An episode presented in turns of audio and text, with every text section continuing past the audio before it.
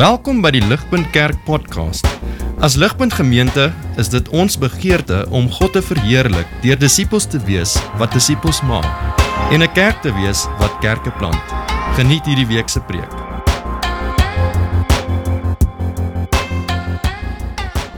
So, so ek ek wil vanoggend begin net met met hierdie vraag kortliks. Ehm um, wat se effek dink ons het ons verlede op ons hede? Uh die effek van van ons past op ons present. En veral geestelik, hoe beïnvloed ons verlede en die lewe wat ons daar geleef het, hoe ons nou dink oor onsself uh, en deur die Hoeveel gewig het die verlede um op ons lewens nou? Die die stories, die geheimpies, die die skande, die skandes waaraan ons nie wil dink nie, die skaamte steek ons dit weg. Ons het vergeet vermy ons almal wat weet wat daar gebeur het. Weet geestelik hoe beïnvloed dit ons verhoudings en hoe ons uh, dag tot dag dink oor onsself. Ehm um, ek ek ek behoort nie by die kerk nie. Nie reg. Hierdie is hierdie plek is nie vir my nie. Nie gegeewe my verlede nie. Dis die tipe goed wat ons vir onsself sê. Ons glo uh, maklik ons is ruined goods. Dit verkoop my teen halfprys. Ehm um, my skande is te veel gegeewe wie ek is. Ehm um, God God uh, uh, wil my dalk hier hê, maar hy wil my dalk hy wil my nie gebruik nie. Jy weet ons ons sê hierdie hierdie tipe goed. Ehm um, soos wat die verlede ons hede definieer. Ek om om om die punt te maak. Ehm um, maar ek dink hou daai vraag in gedagte soos wat ons deur Judas se storie werk. Uh, en kyk verlede. Uh van julle wat uh, laasweek hier was sal wonder hoekom praat ons oor Juda? Ons is besig met Josef se storie. Ehm um, wel dis dis waar die die kort al 'n belangrike rol in Josef se storie. Ehm um, laasweek sou julle gesien het dit was Juda ehm um, wat die voorstel gemaak het. Weet ons doen al die moeite om dit maak. Ons moet nie vir Josef doodmaak nie. Kan ons net 'n bietjie geld kry vir al die moeite? Kan ons hom liewers verkoop en dan kry ons ten minste iets. Uh, en dit was dit was Juda se idee. Juda het leiding geneem. Uh, en en en ons sien daar 'n baie wreed 'n baie koue broer En hierdie week gaan die storie aan van laasweek se storie af. Uh, en dit gaan aan en en die fokus is is is veral op Juda, maar eintlik probeer dit vir ons 'n storie vertel van weet wat gebeur nou met die broers? Weet wat gaan aan in die lewe van Juda gegee wat hulle nou net gedoen het? Hulle broer Josef verkoop het in slawerny. Geestelik, wat gaan aan in hulle lewe? Hoe lyk hulle lewe nou? En wat ons sien daar ons die storie lees is dat hulle op 'n afwaartse pad van sonde is. Soos iemand wat op 'n skynshelling val. Uh, Juda en en die broers het het geval in hulle gierigheid en in hulle hulle jaloesie en, en hulle het geval en en soos wat hulle nou val dra die momentum van sonde hulle af en af en af en hulle rol uh, by die heuwel af bebloed en verslaan. En ons sien hierdie sterk vergelyking um, met Josef se storie. Josef se storie, Josef is nou in Egipte, hy's verkoop deur sy broers. Maar ons sien hierdie sterk vergelyking, die die die die verskriklike sondes van Juda en die broers teenoor Josef. Hy doen seën die Here. Alles wat hy doen seën die Here en en ons sien hoe sy karakter en sy waardes uh, sterk staan. Daar al is hy alleen in in in Egipte. 'n Vrou gooi haarself letterlik op Josef en hy sê nee. Terwyl uh, Juda hardloop na 'n prostituut. sien julle die verskriklike vergelyking hier tussen die twee broers? Die die vergelyking dien om ons juis uh, te help om te verstaan van 'n gemors. Juda, uh, hoeveel van 'n gemors Juda in in, in die broers in is. Hierdie is die die die skandes van Judas se se verlede. Nou ehm um, ek wil belangrik net noem op hierdie kan nie alles spreek nie al wil ek. Ek ek wil deeglik deur Genesis 39 ook gaan, maar maar ek kan nie. Ek het net nie die die tyd vir dit nie. Veral gegeewe wat alles in Genesis 38 vind. En so omdat ons nog baie in hierdie reeks gaan posif, wil ek in hierdie spesifieke preek fokus op Juda uh, Juda en en sy storie 39. So hou julle blaadjies byderhand uh, vir al Genesis 39. En, en in terme van struktuur, hoe hoe ons deur hierdie teks gaan werk, uh, ons storie werk. Daar's nie noodwendig punte of punt 1 punte, dis net 'n storie. En so volg met my deur Judas se storie en soos wat ons goeie sien, Soos wat ons sien hoe God se woord oopgemaak word vir ons, gaan ons uh, op sekere punte stop en uh, oor wat dit beteken vir ons. Dis baie om te sê inleidend, maar kom ons begin. Kom ons spring in die storie in. Hierdie is Juda die verlore broer. Juda, Jakob se vierde seun by sy vrou Lea, vat sy stukkie van die wins uh, wat sy broer se bloed op het en hy loop. Hy het nou sy geld van die verkoop van sy broer en nou wil hy sy eie lewe gaan begin. En hy loop, hy hy loop Kanaan toe. Hy kry vir 'n Kanaanitiese vrou met die naam Shua. En, en, en net hier sien raak nêrens in die Bybel is dit ooit 'n goeie ding wanneer God se mense loop uit God se plek. Hierdie plek was uh, deur God gegee vir Abraham en vir Jakob en vir die familie en Jakob besluit hy wil wegloop. Maar nog meer, dis altyd 'n teken van agteruitgaan God se mense betrokke raak met Kanaan in elke liewe geval in die Bybel. So sien al klaar hier die afwaartse beweging soos wat 'n uh, Juda verder val uh, op hierdie sondige pad. Hy sy broer koop en nou beweeg hy weg van God af, weg van God se mense af. Ons lees dat Juda 3 seuns gehad het. Uh Ur, Onan en Shela. Uh Juda se oudste seun trou met hierdie vrou te Maar vers 7 lees ons, but Ur, Judah's firstborn was wicked in the sight of the Lord and the, so the Lord put him to death. So hier sien ons weer uh, nog 'n uh, teken van van wat aangaan in Judas se gesin. Hy is die hoof van hierdie huis en hierdie is sy eerstegebore seun. Die Egiptenare gaan hulle eerstegebore seune verloor as 'n teken van oordeel en hier verloor Juda sy eerstegebore seun. Ons weet nie presies wat hy gedoen het nie, maar dis duidelik sleg genoeg dat die Here se oordeel op hom neerkom. En dis nou hier waar dinge baie interessant raak in ons storie. Judas sê vir sy tweede seun, Onan, Go into your brother's wife, verse 8, and perform the duty of a brother in law to her, and raise up offspring for, for your brother. Wat, wat, gaan, wat gaan hier aan?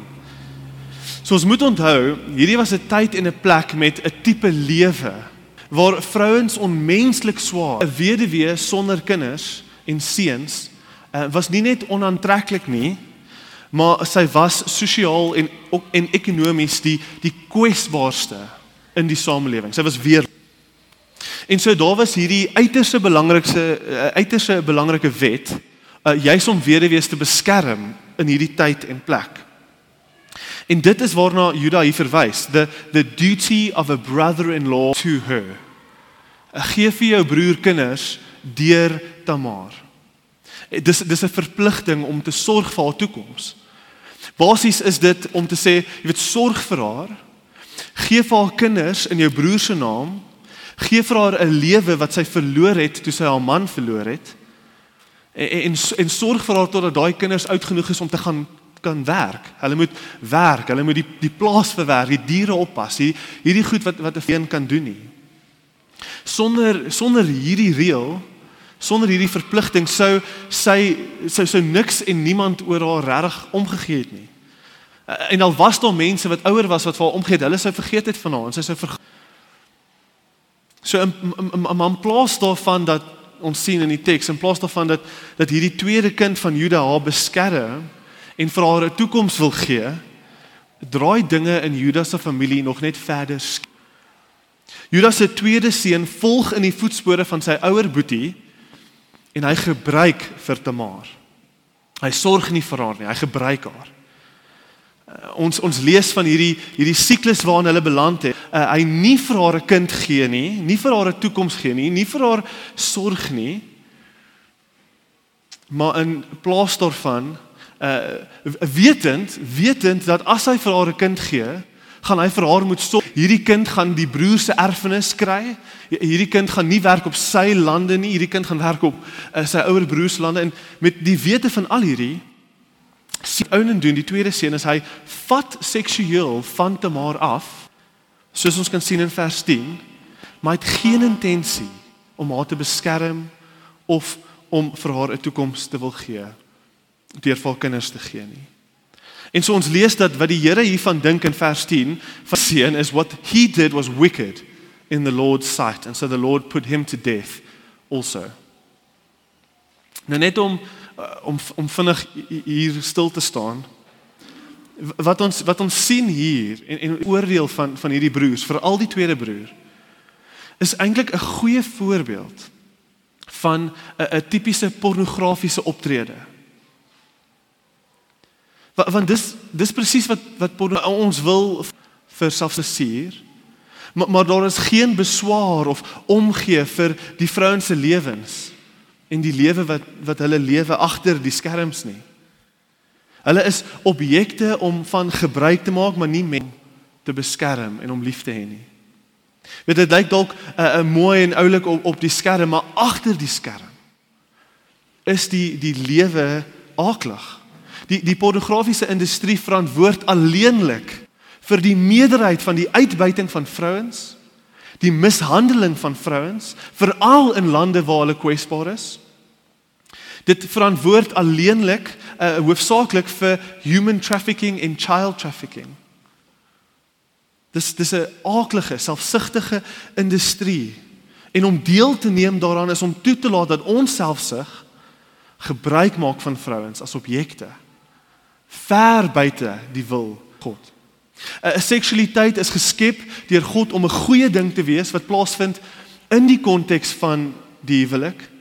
Waar ons nie net fisies vat by mekaar nie, nee nee, waar ons ons hele lewens gee vir daai persoon en vir daai een persoon. Ons gee emosioneel, ons gee ons harte, ons gee ons geld, ons gee alles. En ons gee fisies seksueel vir daai persoon. Ons gee ons lewens in huwelik. Is die konteks waar seksualiteit moet geniet word. Nou nou dis dis alles om te sê wat dat wat die dat die wat die Here sê oor hierdie tweede seun is what he did in the sight of the Lord was wicked. Dis dis om dit te sê, dis om daai punt te maak. So ek ek weet julle het nie hierdie verwag op 'n 'n Sondagoggend nie. Ehm um, ek het heeltyd gedink, imagine 'n ouer lees so, so bietjie met uh, sy kind Bybel en dan is dit saam deurlees en hulle lees lekker Genesis, hulle kom by Genesis 38. Hoei. Ehm um, kom kom lekker slaap my kind. Ehm um, ons wil ons nog nie daar praat maar ek dink tog maar ek dink tog dis belangrik. Dit is belangrik opstaan vir vrouens en opstaan vir wat reg en verkeerd is soos wat ons sien wat God se woord vir ons leer daaroor. Maar in elk geval arme Tamar sit nou in hierdie situasie al twee mans met wie sy was en sy het niks te doen gehad met hulle dood nie. Sy is nog steeds kook nog meer as tevore. Want as sy een man verloor het, is dit een ding. As sy twee mans verloor het, wie sou haar nou wou gehad het? Sy het nog steeds 'n verskriklike belangrike verantwoordelikheid teenoor haar. So Judas sê vir haar verder in die storie, my jongste en my enigste seun vir jou. Tamar wag 'n paar jaar. Gis. Maar vir nou, omdat jy niemand het nie, vra hy wie, wie gaan wie gaan wie gaan vir jou omsien, Tamar? Hy sê gaan terug na jou pa se huis toe as 'n weduwee. Nou dis interessant want eintlik kon Juda vir haar gesorg het tot die jongste seun reg was. Maar hy stuur haar as prins weg. Hy stuur haar weg as 'n weduwee. Hy wil nie hê hierdie vrou moet in sy huis bly nie. Want ons sien dat selfs in die teks in vers 11 sê dit vir ons Juda was besig om oneerlik te wees. Juda sê in vers 11, um he too my jongste seun, as ek my jongste seun vir jou gee, he too may die just like his brothers. So uh, hy stuur haar weg na na haar ouer huis toe met geen geen intensie om sy jongste seun vir haar te gee nie. Hy hy, hy dink ek is klaar met hierdie vrou want in sy in sy kop is sy verantwoordelik vir die twee seuns wat oorlede is. Ons sien in vers 11, he too may die just like his brothers. Sy blameer haar.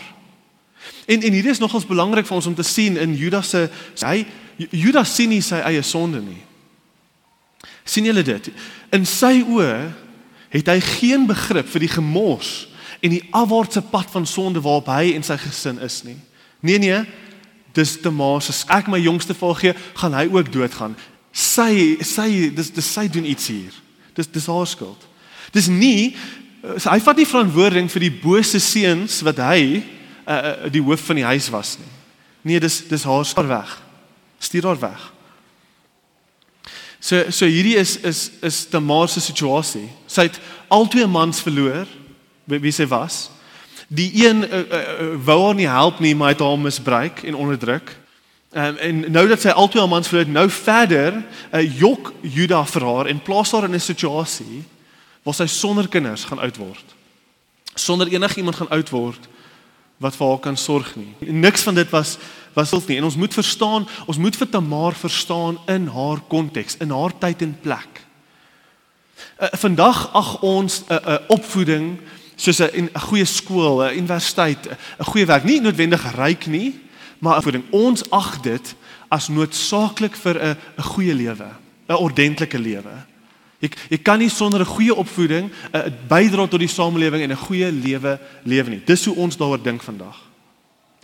Maar in ons tyd en plek beteken 'n opvoeding niks nie. Hulle lewe op die plaas. Hulle hulle moet boer, hulle moet die Hier, wat saak maak is hande. Mense om saam te kan werk om ons lewe te kan hou. En en ons sien raak dit is wat Juda haar van beroof. Juda beskuldig haar en hou hierdie weg van haar. Sy gaan oud word, haar ouers gaan doodgaan, almal om haar gaan doodgaan. Sy's jonk. Niemand gaan daar wees om vir haar om te sien nie. Vrou alleen. Hierdie was Tamar se situasie. So wat doen Tamar? Sy neem dinge so bietjie in haar eie hande. In 13 en 14 sien ons drie ehm um, verskriklike opvallende aktiewe werkwoorde soos bam bam bam bam hierdie is Tamar se plan. Sy gaan, sy trek haar haar weduwee klere uit, sy sy bedek haarself, steek weg wie sy regtig is en sy's op pad.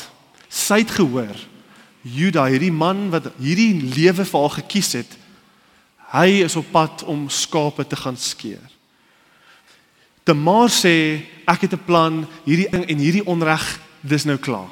Dis nou klaar. Sy wag strategies vir Juda soos wat hy op sy pad is.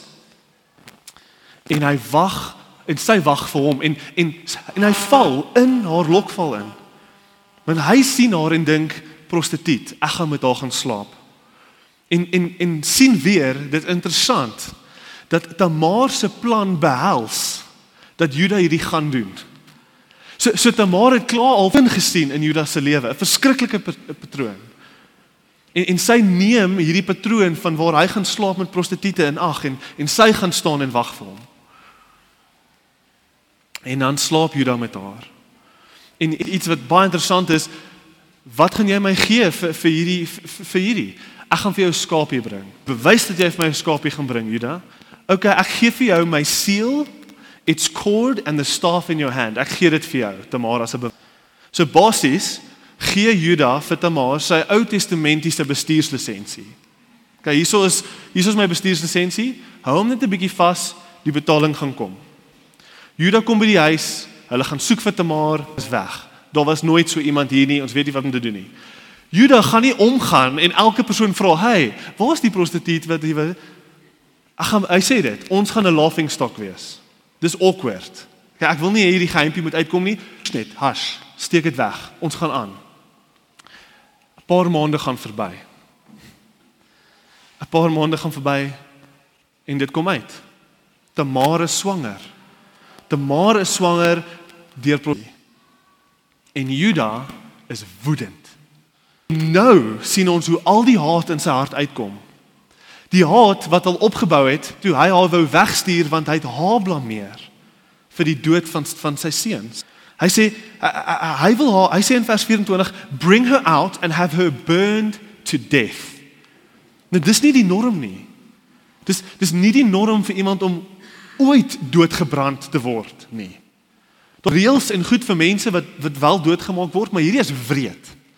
Om iemand dood te brand is nie net dood nie, dis pyn. En hierdie is wat Juda kies om vir Tamar mee dood te maak, brand haar dood. Hy sê, "In hart, ah, ek het nog altyd geweet jy's moeilikheid, Tamar. Toe my eerste seun dood was, toe weet ek jy's moeilikheid. Toe jy my tweede seun wegvat vir my, toe weet ek jy's moeilikheid. Nou kry vir jou. Nou kry jy, nou het ons jou uitgevang. Jy gaan brand.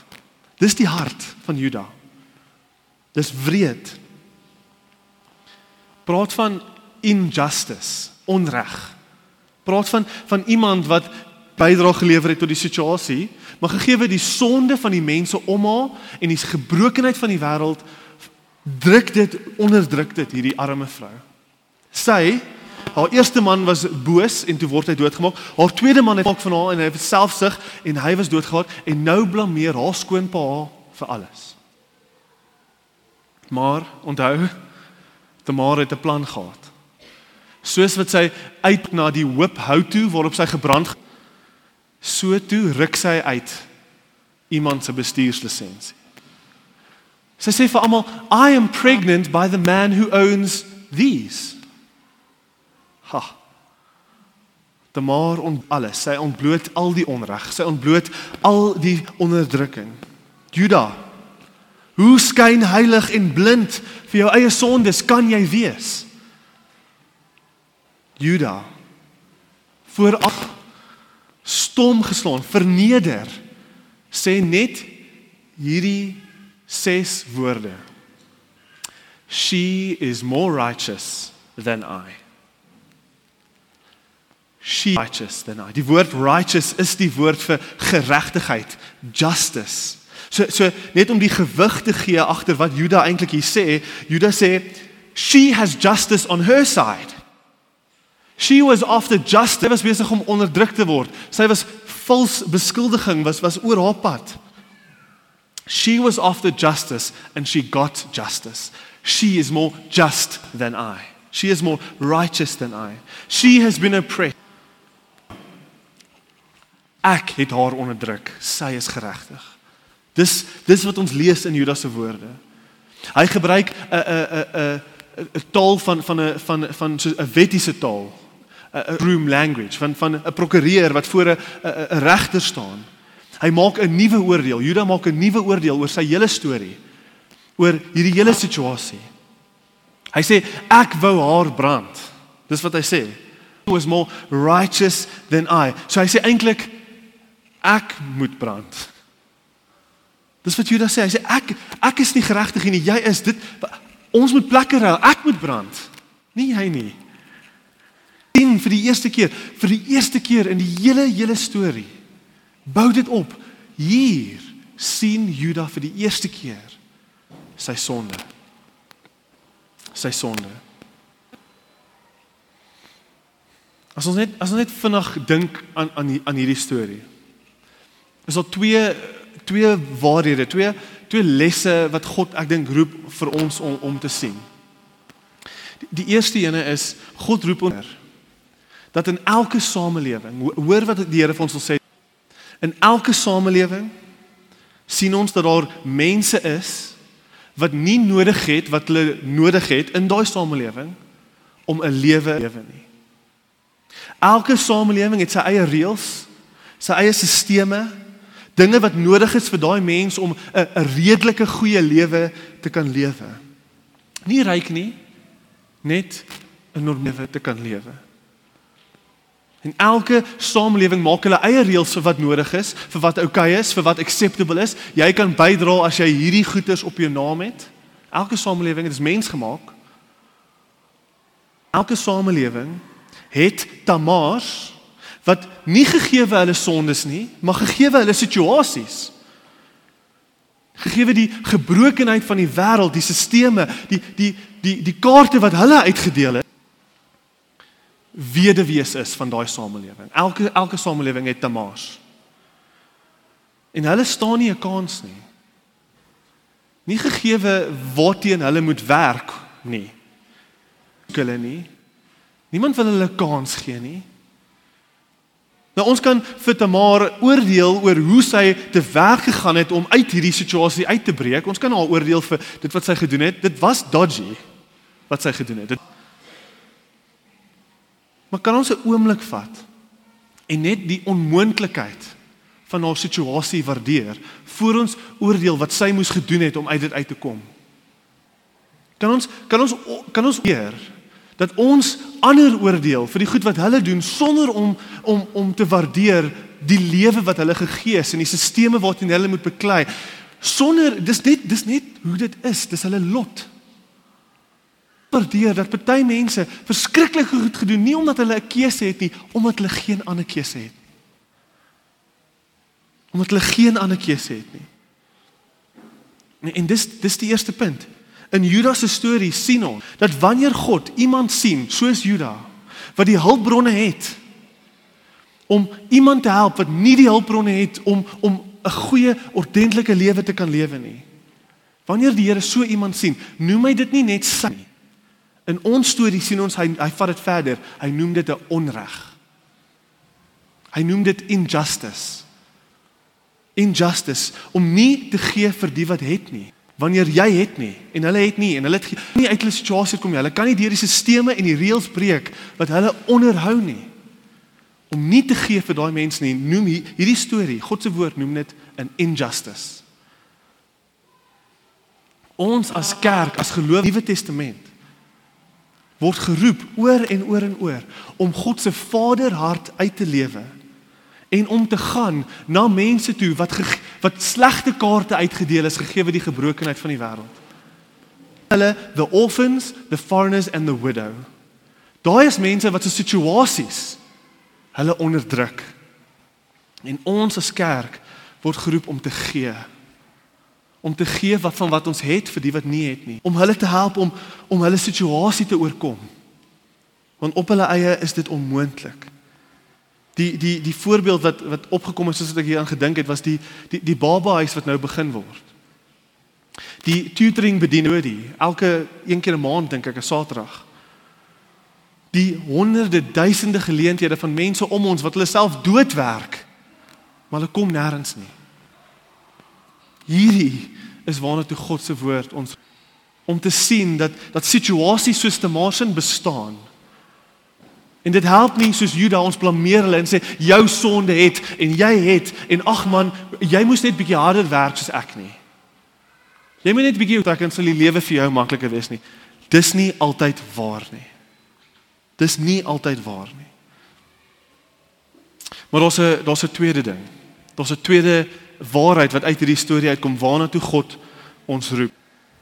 Die die tweede ding wat ons sien in in hierdie storie is die bose afwaartse pad van sonde. Dank ons blind kan bly vir daai sonde. Kyk kyk nou, kyk na Judas se storie. Ons sien hoe hy op hierdie afwaartse pad uh, is so duidelik soos daglig sien ons dit. Maar hy doen nie. Judas sien dit nie. Hy blameer hom en veral vir haar vir sy sondes. Al is hy die hoof van hierdie familie, hy onderdruk vir Tamar want dis alles haar skuld. En nou wil hy vir Tamar brand. Skyn heilig. Kan net kan nie ek wees nie. Moet sy wees. Nie te sê hy mag rondslaap nie, maar die oomblik wat sy dit doen, brand sy. So blind is hy vir sy sonde. So so vasgevang klus van sonde wat hom af en af en af trek, is hy dat hy nie eers die skynheiligheid van die saak raak sien nie. Elke dag, dit hierdie voel dalk ver ver van ons af, maar elke dag elke liewe dag is ons geneig om liewers te kyk na die sondes van almal om ons en selde wil ons regtig erken waar ons Selde wil ons regtig erken wat in ons lewe aangaan wanneer niemand kyk nie. Selde wil ons eerlik wees oor hoe ons verhouding gaan met die Here. Selde wil ons self en vra hoe het ons bygedra tot die situasie waarin ek is, ons familie is, ons lewe is. Nee, dis hulle skuld. Nee, dis die regering se skuld. Nee, dis dis die ekonomiese skuld. Nee, dis my nee, dis my kinders skuld. Nee, dis my baas skuld. Weet jy wat? Dis net nie my skuld nie. Dis net nie my skuld nie. En ons sien verder in Juda dat sy hart is ons hart. Elke persoon, elke het hierdie diep begeerte om homself te wil regverdig. Ons wil onsself justify. Kyk, hierdie is hoekom ek nie verkeerd is nie, maar en en net soos Juda is ongeneig om ander te blameer om onsself te regverdig. Ons wil liewer die splinter uit hulle oog uithaal as die balk in ons eie oë. Blame shifting. Hardloop weg vir die realiteit van die saak want dit gaan jou vir as jy erken wat wat regtig hier aangaan. Ek ek ek wil dit ek ek hardloop liewers weg. Ek bly liewers skyn heilig. Ek kom liewers kerk toe en sit my mooi front op, maar niemand moet weet nie. Dit regtig aangaan nie. Dit gaan my te verneder. So ek ontken, ek blameer. Sy het my dit laat doen. Hy het my dit laat doen. Ek is nie so sleg soos hulle nie. Hierdie is die tipe goed wat ons self preek in ons harte om ons te regverdig vir die afwaartse pad in die siklus van sonde waarin ons vasgevang word. Partykeer. En, en hierdie is wat ek wil noem van Judas se storie. Die gewoonte. As ons 'n gewoonte maak van om oor en oor en oor ons sonde te regverdig. Dis nie ek nie, dis sy. Oor en oor en oor. Wat gebeur? Wat gebeur met ons lewens? Stadig maar seker. Reg ons sonde vir so lank die sonde vermeerder. Die sonde vermeerder. Ons situasie word erger. Ons ons val soos Juda by die by die helling van sonde af en die momentum hou aan ons dra want ons nooit ons sonde aan nie. Dis nooit ek nie. En so sonde floreer in ons lewens. En soos Juda om elke draai word dinge net erger en erger en erger en ons is te trots om te erken. Ons is te trots om te erken. Ek wil vir ons sê ek ek ligpunt ek wil ek wil sê ek wil hê ons moet dit hoor. Dit gaan ons lewens vernietig. Hierdie hierdie gewoonte gaan ons lewens vernietig. En so en so die vraag is, wat vat dit om ons uit hierdie sondige siklus uit te breek? Wat vat dit? Ek ek ek wil ek wil sê die genade en die vergifnis van Jesus Christus. En en dit is waar, maar daar's daar's iets in ons storie wat kom voor ons die vergifnis van 'n genadige God ervaar. En ek wil nie hê ons moet dit mis. Wat vat dit om ons uit hierdie siklus uit te breek? Daar's 'n oomblik van vernedering in Judas se storie waar hy besef. Daar's 'n oomblik in Judas se storie waar hy vir die eerste keer besef dis nie haar skuld dis my skuld. Dis nie hulle nie. Dis nie my omstandighede nie. Dis my skuld. Ek is die probleem. She is more righteous than I. Die een wie ek wil brand en blameer, dis nie sy nie.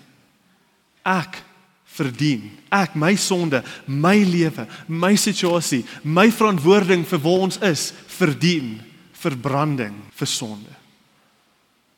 Dis 'n harde awakening van jou realiteit. Dis wat ons sien in Judas se storie en dis wat eers moet plaasvind. Baie keer sal ons ons oë het nie vir die skade van ons sonde en die en die ewels en boosheid van ons sonde. Ons ons is nie kwaad vir ons sonde nie. Ons haat ons sonde nie. So righteous than I. Ons oë moet eers oopgaan op 'n vernederende vlak vir wie ons regtig is voor 'n heilige God. Voor ons ooit die genade en die vergifnis van Jesus op die kruis kan en sal waardeer. Ons moet bewus word, werklik bewus word van ons sonde vir ons om hierdie siklus te breek waarin ons baie keer vasgevang word. Ek het 'n quote hier deur 'n uh, wat ek wat ek vir julle lees en hy gebruik 'n illustrasie van hoe dit voel vir ons om om hierdie vernedering deur te gaan van die die ontbloting van van ons sonde. Hoor hoor hoe hoor hoe beskryf hy dit? uh, Keller sê this is a public humiliation for Judah. He is never going to live this down. But it's the only way he could be brought back. He was on his way to really being lost. Real shepherds say when you find a lost sheep, they don't jump up saying, Hooray, I've been found. Oh no. Lost sheep are scared to death And the only way to save a lost sheep is to grab it down, tie it up, and take it home struggling. In other words, when lost sheep are found, they don't feel like they are being found. When lost sheep are being loved, they don't feel they are being loved. When lost sheep are being made safe, they don't feel like they are being made safe. They feel like they're being clobbered.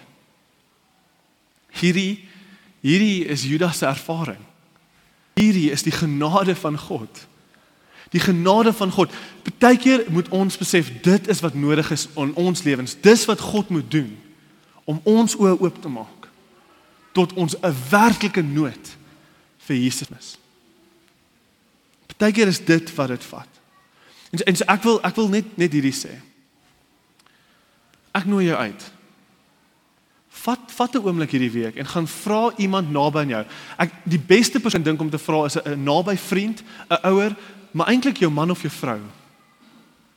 Gaan vra hierdie week jou man of jou vrou. Is daar 'n sonde waarvan ek nie weet nie? Is daar 'n sonde wat besig is om lewens te vernietig waarvan ek nie weet nie? Ja, dit gaan seer wees. Ja, jy gaan voel soos 'n skapie wat vasgemaak word. Maar kan ons net vir 'n oomblik stop in die besigheid van ons lewe en voor ons oor 5 jaar 10 ons iemand naby ons vra wat hulle regtig dink van van waar ons lewens is. En kan ons dit as 'n geleentheid vat om ons sonde te sien soos Judas vir die eerste keer en weg te draai van daai sonde af na Jesus en genade toe. Dis my uitnodiging. Ek ek wil afsluit met die verlossing van Judas se verlede. Hierdie is Judas se storie. Weet nie of julle besef het nie, maar sy storie was in die Bybel geskryf vir almal om vir alle eeue te lees. Kom ons vat ons skandes en ons skryf dit ergens neer vir almal om elke jaar op jaar te lees. Hierdie is sy verlede en dis oop vir almal om te sien. Hierdie gemors, hierdie is Judas se storie. Maar ek ek wil ek wil julle uitnooi om hierdie te sien. Hierdie is die verlossing van Judas se storie. Heer, wat gebeur wanneer ons ons sonde erken? Wegdraai van ons sonde af, die siklus breek, draai na na Jesus toe wat ons vergewe. Nie onsself meer probeer regverdig nie. Maar sê, dis ek, vergewe my. Jesus kom kom maak my lief, vat my sondes aan die kruis. Wat gebeur wanneer ons dit doen? Die Here vat ons ons skandes en ons stories en hy maak dit ons hy maak dit ons stories wat wat vir die wêreld verklaar die glorie. Hierdie is hoe Juda bekend staan in die Nuwe Testament. Juda staan bekend as hierdie. Ons lees in Openbaring van van Juda. Juda is Juda is die eer van Juda. Jesus is the lion of the tribe of of Judah. Sy storie het nie meer krag oor sy hede nie, sy sy hede nie. Wanneer Jesus deurbreek en ons 'n nuwe storie gee, 'n nuwe storie, hy kom skryf 'n nuwe storie vir ons. Dan word ons stories 'n getuienis van God se genade en goedheid. Dit het nie meer krag oor ons nie. Ons kan dit deel met ander en vir hulle vertel van die goedheid van God.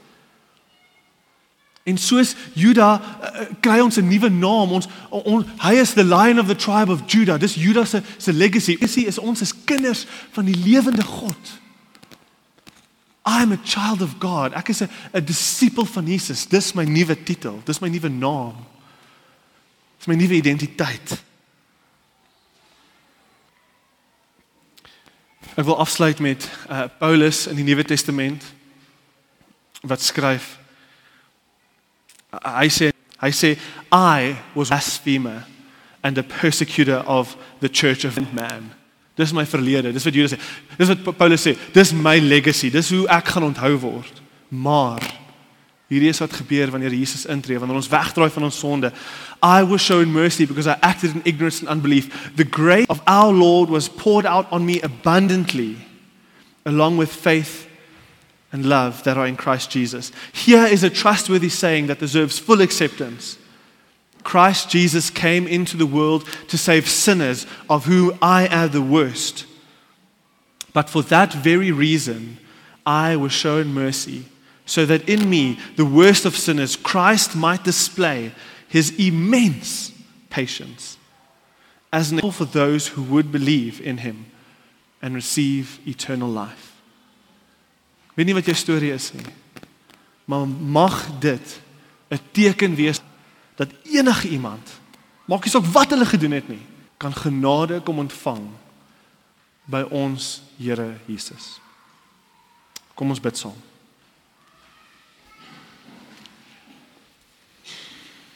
Almagtige God en en Papa Vader, ons ons sit met verskriklike stories wat wat baie krag al gehad het oor ons lewens en en hoe ons dink oor U en hoe ons dink oor onsself en en hoe U onsself wil gebruik. Ek vra Liewer sal U daai storie kom oorskryf vir ons. Sal U deur die genade van Jesus Christus ons kom bevry van die skandes van ons verlede. Sal U ons oor, ons oë oopmaak vir ons sonde en sal U ons oë gee vir die vir die onderdruktes in ons samelewing. Dra vrug deur hierdie woord bid ek in Jesus naam alleen. Amen. Vir meer inligting oor Ligpunt Kerk, besoek gerus ons webwerf op www.ligpunt.com of kontak ons gerus by info@ligpunt.com